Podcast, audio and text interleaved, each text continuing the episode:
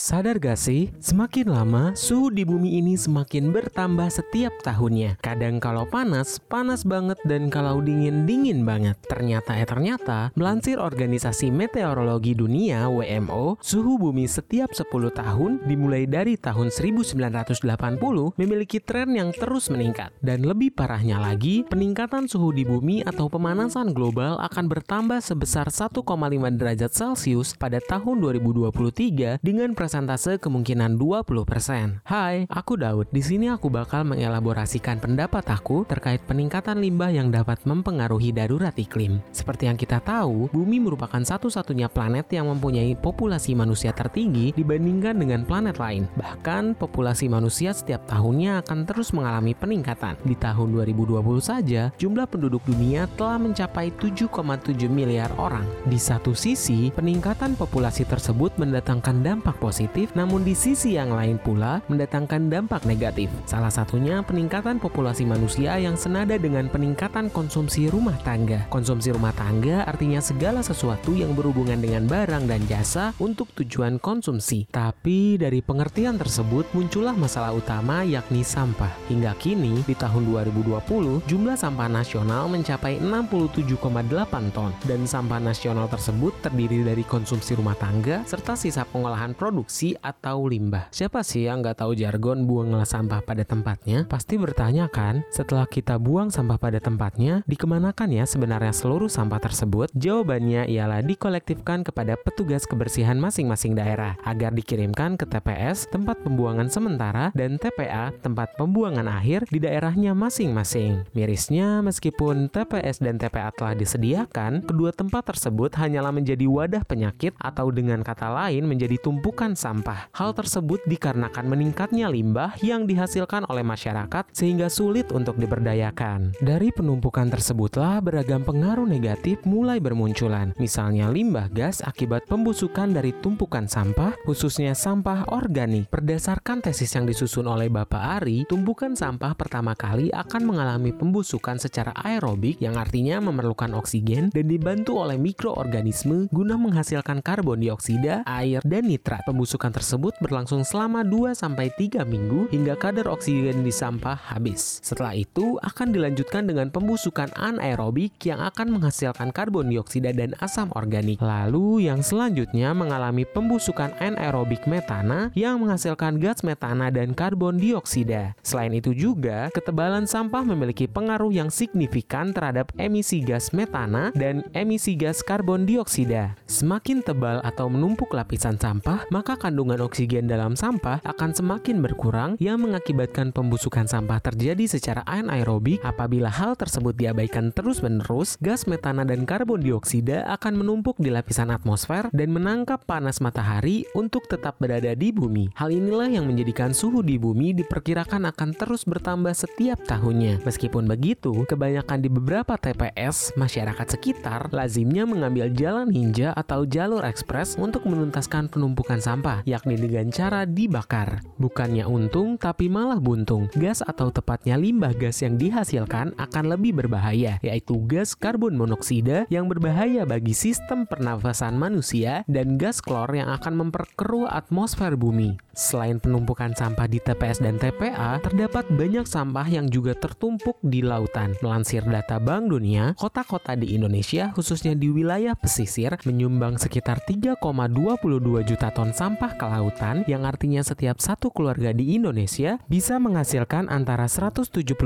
sampai 480 juta sampah tiap tahunnya. Sangat jelas hal tersebut akan berdampak pula ke kondisi iklim di bumi yang akan menciptakan anomali iklim. Mengingat letak geografis Indonesia yang diapit di antara dua samudera menimbulkan interaksi yang kuat antara atmosfer dan lautan. Interaksi atmosfer laut terjadi melalui inti-inti kondensasi awan yang diijensikan oleh percikan gelombang laut ke udara dan melalui pelepasan panas laten kondensasi uap air ketika menjadi tetes-tetes awan. Selain itu, sampah di lautan pun menjadikan oksigen yang ada di lautan semakin menipis dan mengancam kehidupan biota laut. Merujuk penelitian IUCN, sekitar 700 kawasan laut kini kekurangan oksigen. Angka itu meningkat berkali lipat dibandingkan dekade 1960-an yang hanya mencapai 45 perairan. Nah, dari beberapa paparan tersebut bisa dikatakan sampah atau limbah memanglah berpengaruh terhadap kondisi iklim di bumi. Terlebih lagi, menurut 11.000 ilmuwan dari seluruh dunia, bumi saat ini sedang menghadapi kondisi darurat iklim atau dengan kata lain penderitaan manusia yang tidak terkatakan. Beberapa indikator yang memperkuat pendapat para ilmuwan di antaranya populasi manusia dan hewan, emisi limbah gas, penurunan cakupan pohon secara global, serta konsumsi bahan bakar fosil. Hal yang harus diperhatikan di sini ialah emisi limbah gas.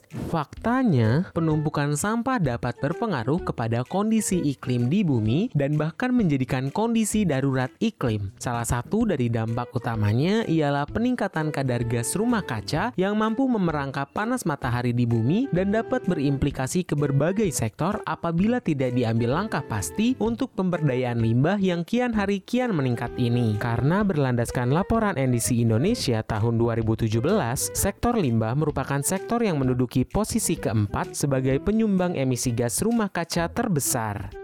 Bila panas tersebut terus terperangkap di bumi, ada beberapa hal yang berbahaya dapat terjadi. Contohnya kebakaran hutan, mencairnya es di kutub, dan meningkatnya suhu air laut. Nah, beberapa fenomena tersebutlah yang menjadikan bumi mengalami kondisi darurat iklim. Untuk menyelesaikan permasalahan darurat iklim, khususnya kondisi darurat iklim yang disebabkan oleh peningkatan limbah, ada beberapa caranya. Di antaranya membangkitkan kesadaran dan kepedulian kita terkait lingkungan, memulai kebiasaan membuang sampah pada tempatnya dari rumah, dan cobalah untuk mengurangi pemakaian plastik. For your information, proses pencetakan plastik membutuhkan suhu yang tinggi dan kira-kira bisa menghasilkan emisi karbon sebesar 535 juta metric ton karbon dioksida. Dan lebih parahnya lagi, berdasarkan penelitian yang telah dilaksanakan oleh Jenna R. Jambak dari University of Georgia pada 2010, ada 275 juta ton ton sampah plastik yang dihasilkan di seluruh dunia. Sekitar 4,8 hingga 12,7 juta ton di antaranya terbuang dan mencemari laut. Bahaya banget kan ya? Selain untuk kita, aku juga punya nih solusi yang dapat dilakukan oleh pemerintah untuk menanggulangi peningkatan sampah. Salah satunya mengatur dan memaksimalkan peran petugas kebersihan serta berikanlah para petugas tersebut apresiasi atau insentif atas pekerjaan mereka. Selain itu, dapat juga nih dilakukan melakukan sosialisasi ke beberapa daerah karena di beberapa TPA daya dukung pengelolaan sampahnya masih belum maksimal yang mengakibatkan tumpukan limbah akan lebih bertahan lama di TPA tersebut. Nah, mungkin sekian dari aku. Tetap ingat, darurat iklim sudah di depan mata. Oleh karenanya, kita harus lebih aware lagi terkait lingkungan agar darurat iklim dapat kita minimisasi sedini mungkin. Salah satunya nih, kita bisa meningkatkan kekerapan 3R atau reuse, reduce, and recycle recycle. Aku juga titip pesan ya, ketika sedang makan, usahakan untuk dihabiskan karena bila tidak, makanan tersebut akan menjadi limbah organik yang berbahaya bagi bumi kita. Akhir kata, salam lingkungan dan terima kasih.